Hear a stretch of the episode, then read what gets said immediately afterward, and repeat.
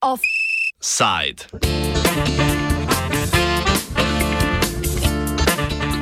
Kapitalistično samoupravljanje.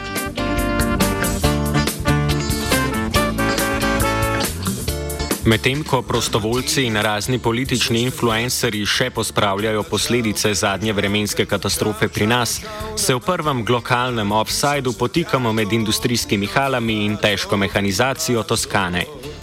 Tam so delavci iztrgali produkcijska sredstva iz rok investicijskega sklada Melrose iz Združenega kraljestva in podjetje GKN preimenovali v ex-GKN. Vodstvo podjetja je v začetku julija 2021 450 delavcem poslalo odpovedna elektronska pisma in množično odpuščanje v izjavi za javnost pospremila s porogljivim: Hoteli ste greto, evo vam odpovedi. Potem, ko poskus greenwashinga lastnikom ni prinesel željenih do dobičkov. Čau, čau, čau, sejo mojo, da partičano, tu mi devi se beli. Seveda pri najdaljši zasedbi tovarne v zgodovini Italije ne gre le za simbolično preimenovanje, temveč so delavci svoj boj povezali z okoljskim bojem. Prav zato so se odločili, da prenehajo svojo temeljno proizvodno menjalnikov za osebne avtomobile in se nameravajo posvetiti proizvajanju menjalnikov za električne avtobuse. Dokler za to ne vzpostavijo pogojev, pa proizvajajo tovorna kolesa. Elegenti. O delovsko-okoljskem boju v Toskani smo govorili s profesorjem Emanuelom Leonardijem, raziskovalcem na oddelku za sociologijo in gospodarsko pravo na Univerzi v Bologni, ki ga tedni lahko srečate na mednarodni poletni šoli politične ekologije na Kardeljevi ploščadi. Morto per la libertà, questo fiore del partigiano morto per la libertà. E questo fiore del partigiano. What's the state of affairs in the GKN Fiorentina right now? What, what? Yeah, uh, at the moment, uh, the new cooperative, because basically uh, the factory collective, GKN factory collective, is right now. Um, recuperating, if you want, and uh, uh, updating the tradition of uh, workers mutual aid, mutual aid in uh, in Italy. So the cooperative just started. Uh, I think it was uh, July 10th that they they started it, uh, and so they will uh, um, start implementing uh, the reconversion reindustrialization plan, the second one, because they launched last spring a huge crowdfunding to get some initial capital to invest in this. Right now, they are uh, talking with some regional council, uh, of course, some parts of the Italian states, but also private capitals, which may be interested in this kind of uh, um, workers-led ecological transition from below, which surely would reduce uh, profit margins, but it will give a possibility to make this planet habitable, uh, to keep it that way. Uh, so some intelligent capitalists uh, are seeing uh, the opportunity. Like you know, it wouldn't be bad to, to mm-hmm. have a habitable planet. So the old capitalists, the old owners of the no, not at all, not mm-hmm. at all. Uh, well, I mean the the owners. Uh, who fired them, the hedge fund, the UK-based Melrose Industries, never went back of course. Uh, then there was a, a, a buyer, an Italian one, Francesco Borgomeo, at the end of 2021, and uh, his plan initially, uh, or better, he announced to have a plan to convert production in uh, the green economy sector. Green economy not as a view, general view on society, but just as a sector. But it was very vague uh, from the beginning. And with time, um, it became more and more evident that the guy was just, you know, trying to transition the situation from uh, a confrontational one to a better, uh, like, you know, to a softer one, so that Melrose could sell, sell uh, machinery, which was, uh, of course, uh, their goal at the beginning, and the factory collective um, didn't fall in this trap. and right now, so Borgomeo is out. He's not paying wages. is like you know, is on the run. Uh, and we'll see what happens uh, there. But from the owner's perspective, like, you know, as they always say, capital has flown freely from that factory. Like, you know, it wasn't expo- uh, expelled. Mm-hmm. they just decided that that um, facility wasn't, according to them, profitable or profitable enough any longer because of course they were a healthy factory like you know they were making profits for the owners but evidently not enough Mm-hmm. So they tried to uh, uh, greenwash it a little bit, but they didn't succeed. Exactly. Okay. Exactly. Can we just uh, summarize the, the labor movement in, in Fiorentina from the uh, 2021 when yeah, it all started? Uh, yeah, yeah. Uh, well, I, will do my best. I, I, think we can um, divide the um, the dispute in three phases. First, July 2021, the workers receive an email saying, well, I mean, uh, on Monday, don't come back to work because we are closing down. And they react very quickly because they had a strong tradition of radical unionization, uh, which is not that common in Italy, but for them that was the case. So they were able to respond uh, uh quickly. They went to the factory and they started a permanent assembly uh, on the facility, and this assembly is still going on. So the, factory is in control uh, by is controlled by by the workers at the moment uh, and what they did at the beginning was like you know this was a profitable factory so we want our jobs back it's like you know a, a good example of how unions uh, should respond to uh, shutting down because I mean, the idea was to offshore production like the the owner's idea um, and they reacted properly the second phase, which we, so the first one is response. The second one is coincidence or overlapping between the, the need to keep their jobs, uh, so the workers' perspective, and climate justice. Because what they did at the beginning, like, you know, late 2021 and then first month of 2022, uh, and this is truly an original feature of the GKN disputes, uh, dispute, the workers realized that in order for their jobs to be back, for their uh, dispute to be successful, they needed to establish an organic alliance with climate justice movements in Italy first, and then right now, of course, it's the at the European level.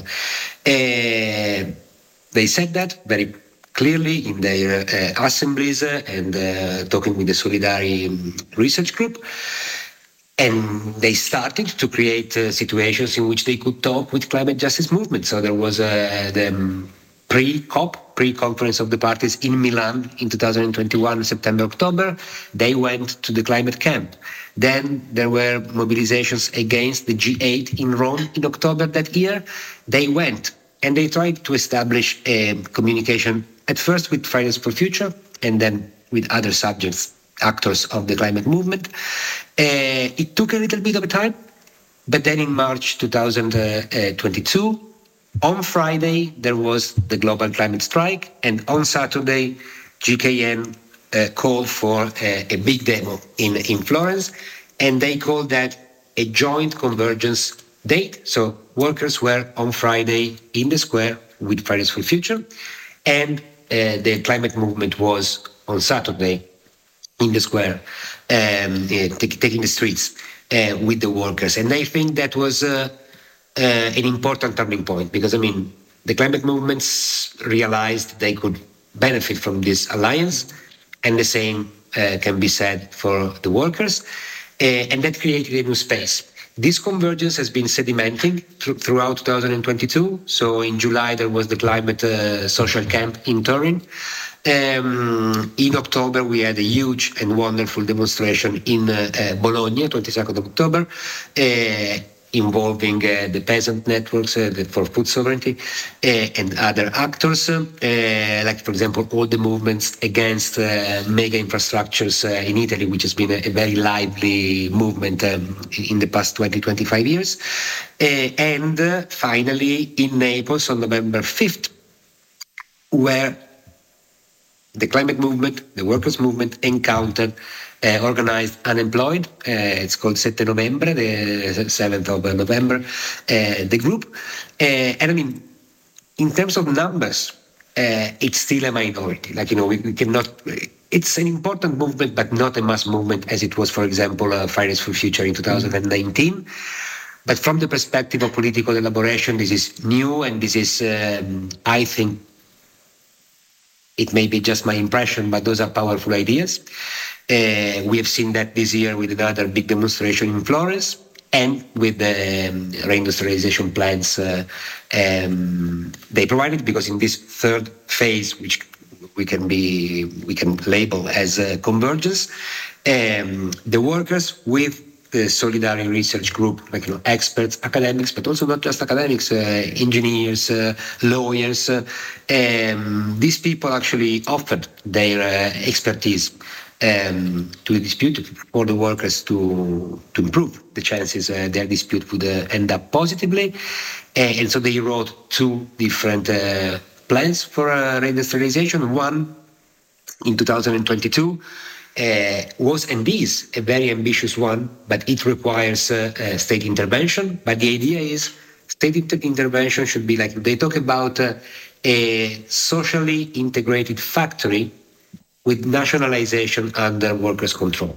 Uh, and what they mean is the state should um, connect uh, factories which produce, for example, buses, uh, electrify public mobility, not private mobility, because I mean this is another element uh, of mm-hmm. originality. They, their plan, which is for sustainable public mobility, contains an immediate critique of private cars, be them uh, with endothermic uh, um, engines or uh, electric uh, cars. The, the, point is, private mobility isn't sustainable, uh, and they basically call the state to be the um, last instance uh, guarantor, um, basically to, to provide capital at the beginning, but also commercial outputs um, and ups at the end of, of the process. So they basically said we wanted to stay in the automotive sector, but to you know uh, start from the privacy of social utility and environmental sustainability rather than profit making. Okay, uh, not surprisingly, the state wasn't really interested in doing that. Like uh, at first, uh, the Draghi government uh, was very technocratic, but it, it was running uh, um, out of time. Like in the end, it uh, it ended uh, a little bit before uh, because it, uh, we were supposed to have election elections in spring 2003, and instead we had in the fall of 2022. But in any case. That wasn't going to happen. right now, with explicitly right-wing government, it isn't going to happen either. But I think what they um, were able to produce was, you know, I'm not very hopeful about the center-left parties in Italy, the Democratic Party, and that coalition. But that, of course, it's it, it's of no importance. What I think, what is important is that they can see that the only reasonable option today on the field when it comes to ecological transition is ecological transition from below and workers' knowledge can encounter scientific and academic expertise to build alternatives in a, in a context in which ecological transition from above has failed. Mm-hmm. And like you know, this is very clear. So I suppose right now it's going to be difficult uh, for uh, these political uh, subjects to ignore what is what is happening in uh, in GKN. But state intervention didn't happen. So they had two options: either they settled in, in a typical, uh, uh, in, let's say, collective bargaining uh, in a, or, negotiation in a situation of, uh, of crisis, they could have settled for um, social compensation and uh, this kind of um, things. And instead, they decided to go their own way, which is what they do, what they have done so far. And so they built a, a less ambitious uh, reindustrialization plan, because of course, without state intervention, like you know, we are talking about a different amount of capital and a, a truly difficult situation in selling mm-hmm. whatever thing you are going to produce.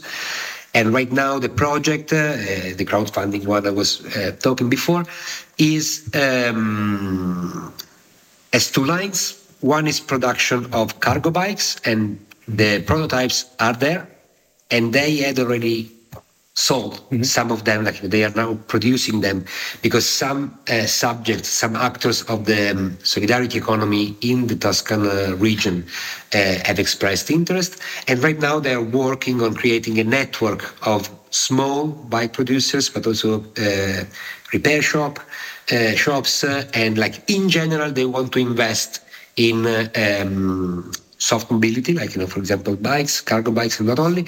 And they are creating a, a network to do that, not just by themselves, but collectively. And the other line, and this, is, this should be around 20, 25 people employed. And the other one, which is a little bit more ambitious, is actually the production of uh, solar panels, solar panels of new um, generation. And this new generation is, but uh, there's an industrial secret, so we, we don't know the, the specifics at the moment, uh, but they do. And the idea is to create solar panels which do not require um, critical minerals mm-hmm. extracted as we uh, exactly as we know uh, they are extracted uh, not only in the global south but under working conditions which are absolutely unacceptable from the point of view of climate justice, but also from the point of view of human dignity. Uh, and so, in any case, they, they also have incorporated uh, a decolonial aspect, which is typical of climate justice, into their way of planning. So they are po- posing the problem of uh, ecological planning, but they are doing doing that in a very original way, I think. Mm-hmm. Uh, we'll return to the ecological question. Uh, but I'm interested in uh, what's their idea um, how to organize the, the production. So uh, you said the network of the uh, bike uh, producers and some other line of solar panels. But what's the management like? Who, who's going to run the business? I mean, is it similar to Yugoslavia socialist self-management, if you know? Or I, I know something about that, and I think uh, let's say my impression. So um, let's take that uh, um, with a grain, like you know, uh, maybe some some details uh, we can discuss. But I mean, my, my impression is that the self-management model would be an option in the uh, scenario of state intervention. Mm-hmm. Okay, and of course, the original part would be that it wouldn't be just a um, bi-directional process of the state and the facility or the sector, depending on uh, what we're talking about.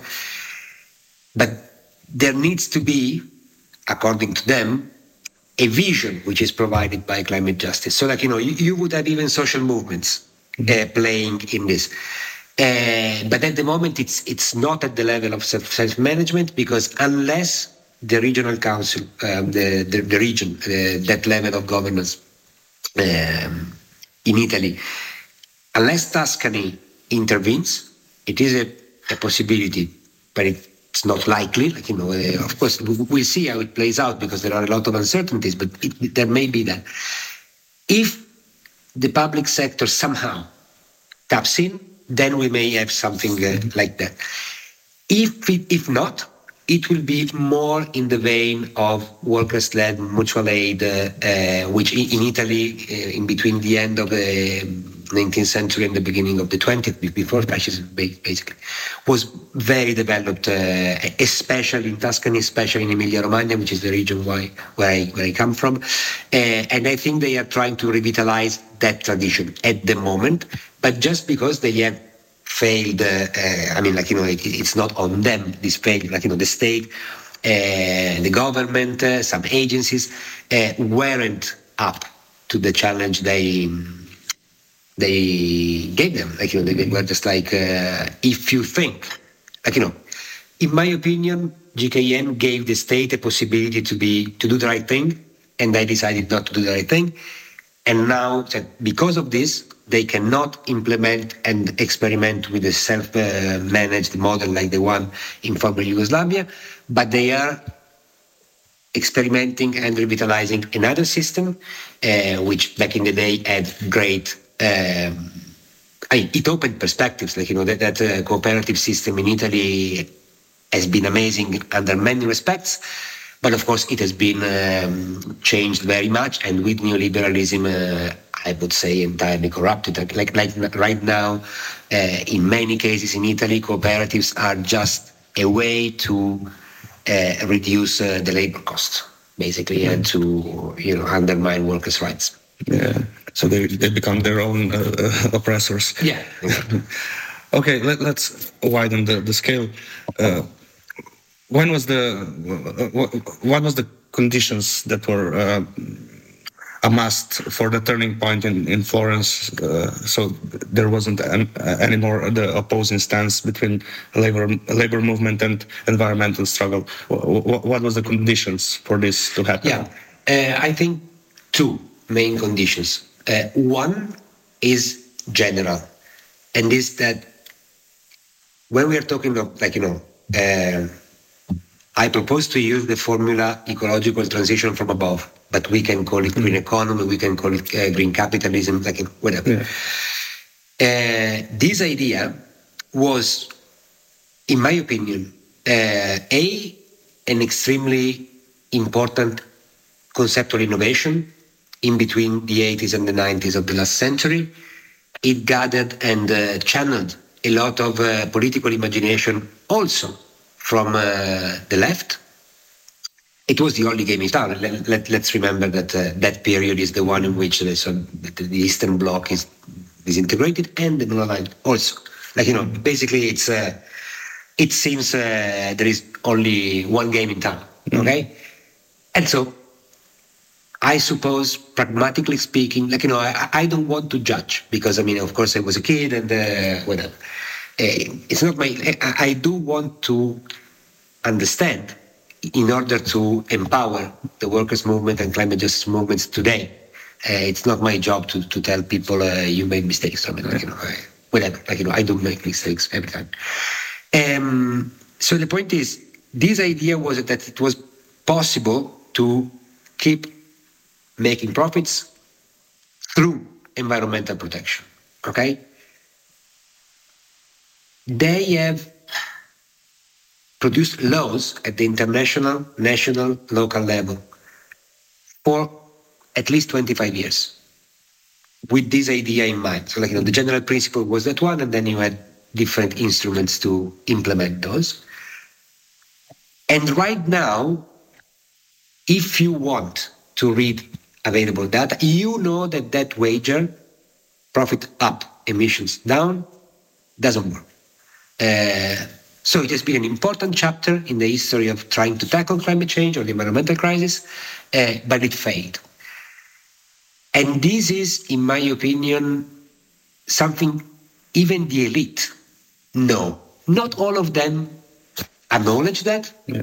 but they know. Like, you know, off the record, when I go, I'm a sociologist, so I, I go and, you know, make uh, interviews with uh, mostly intelligent uh, administrators and stuff like that, they say, okay, where's the recorder? Shut it down.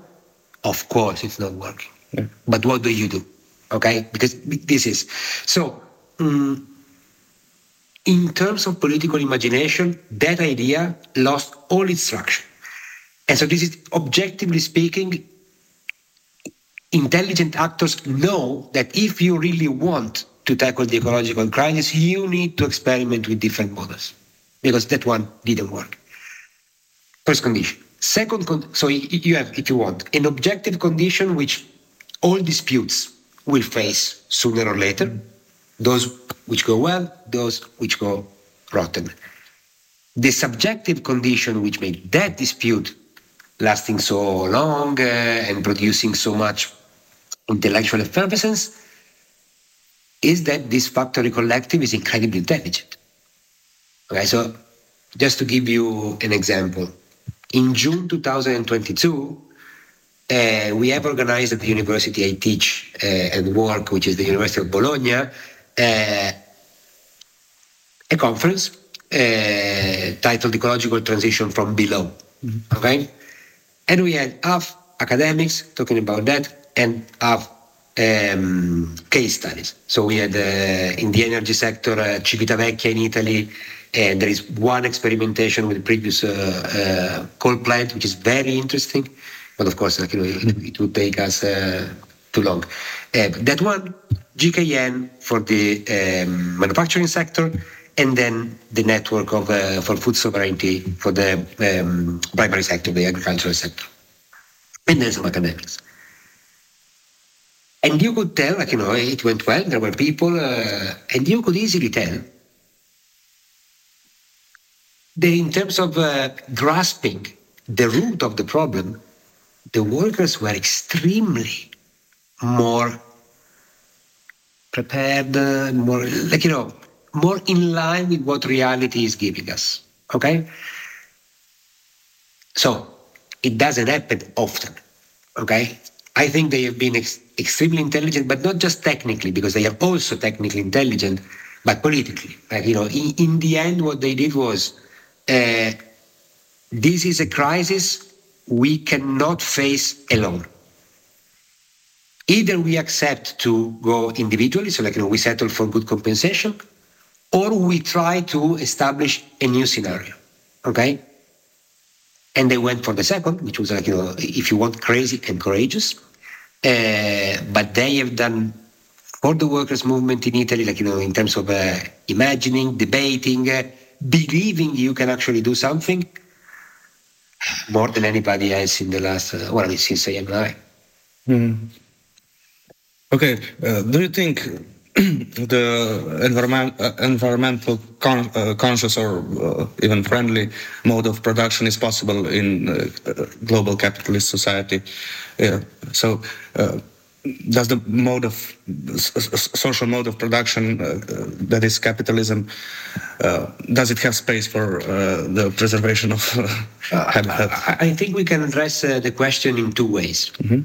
There is one which is purely theoretical, okay, which would require us to say, okay, let's analyze these last 25 to 30 years. Okay. Could that twofold promise of profit up, uh, emissions down, like, you know, was it, could, were they alternatives within that idea? And we can discuss about that. Uh, I'm skeptical, but open. Okay. Uh, I, I never think I. Uh, I'm doubtful to systems systems of thought which from the very beginning tells it is sure or that works or sure that doesn't work uh, because I don't know uh, I'm doubtful to that. What I'm sure about is that if they are serious in saying there's urgency to act, and it's not that like you know from the Earth Summit in 1992 to the Kyoto Protocol to the Paris Agreement that urgency is in all preambles. Like, you know, urgency is in the, um, like, you know, the United Nations Framework Convention on Climate Change says that, like, you know, it is established because we need to act now. If after 25, uh, 30 years you have failed, it's not a matter it could have worked, it hasn't worked. So right now, if we want to have a chance to solve the ecological crisis, we need a non-capitalist model. That's for sure. And I would say this is a reasonable statement. So I'm not saying it cannot exist a green capitalism. Since green capitalism they have tried to establish and they failed, we don't have time to try to try another one another time. Okay, it's it's too late, and it's not too little, too late. It's even worse than before, too late. Um, yeah, so I, I, would say that you know the, being anti-capitalist today is siding with reason uh, from an ecological perspective. Then one one can say, uh, I do prefer to go extinct than to live uh, in a socialized. Oh, it's fine, like you know, if you want that, okay. But capitalism is driving uh, the habitability of the planet out of the of the rich. Mm-hmm. Like you know, it's, it's making the planet inhabitable. I, I had a thought uh, during your lecture about uh, precarization. Would you would you say the precarization of uh, working conditions is the cause uh, for the environment? you know, environmental crisis uh, that is for the worsening of the environmental crisis, or is it a consequence in that sense, or is it just a symptom of, of, of failure?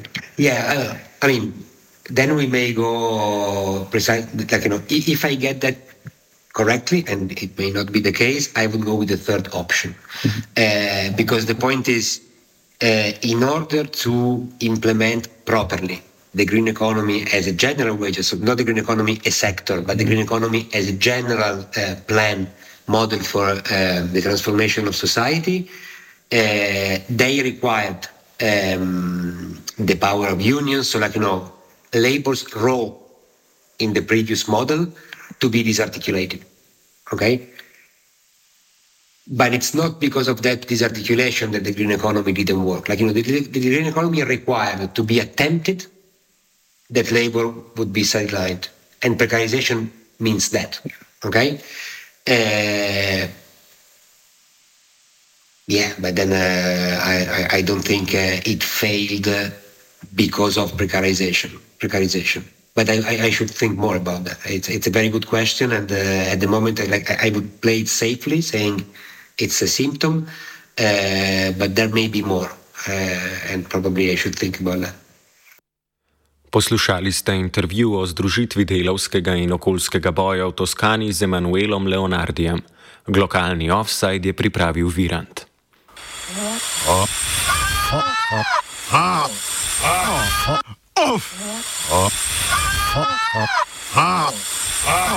Offside.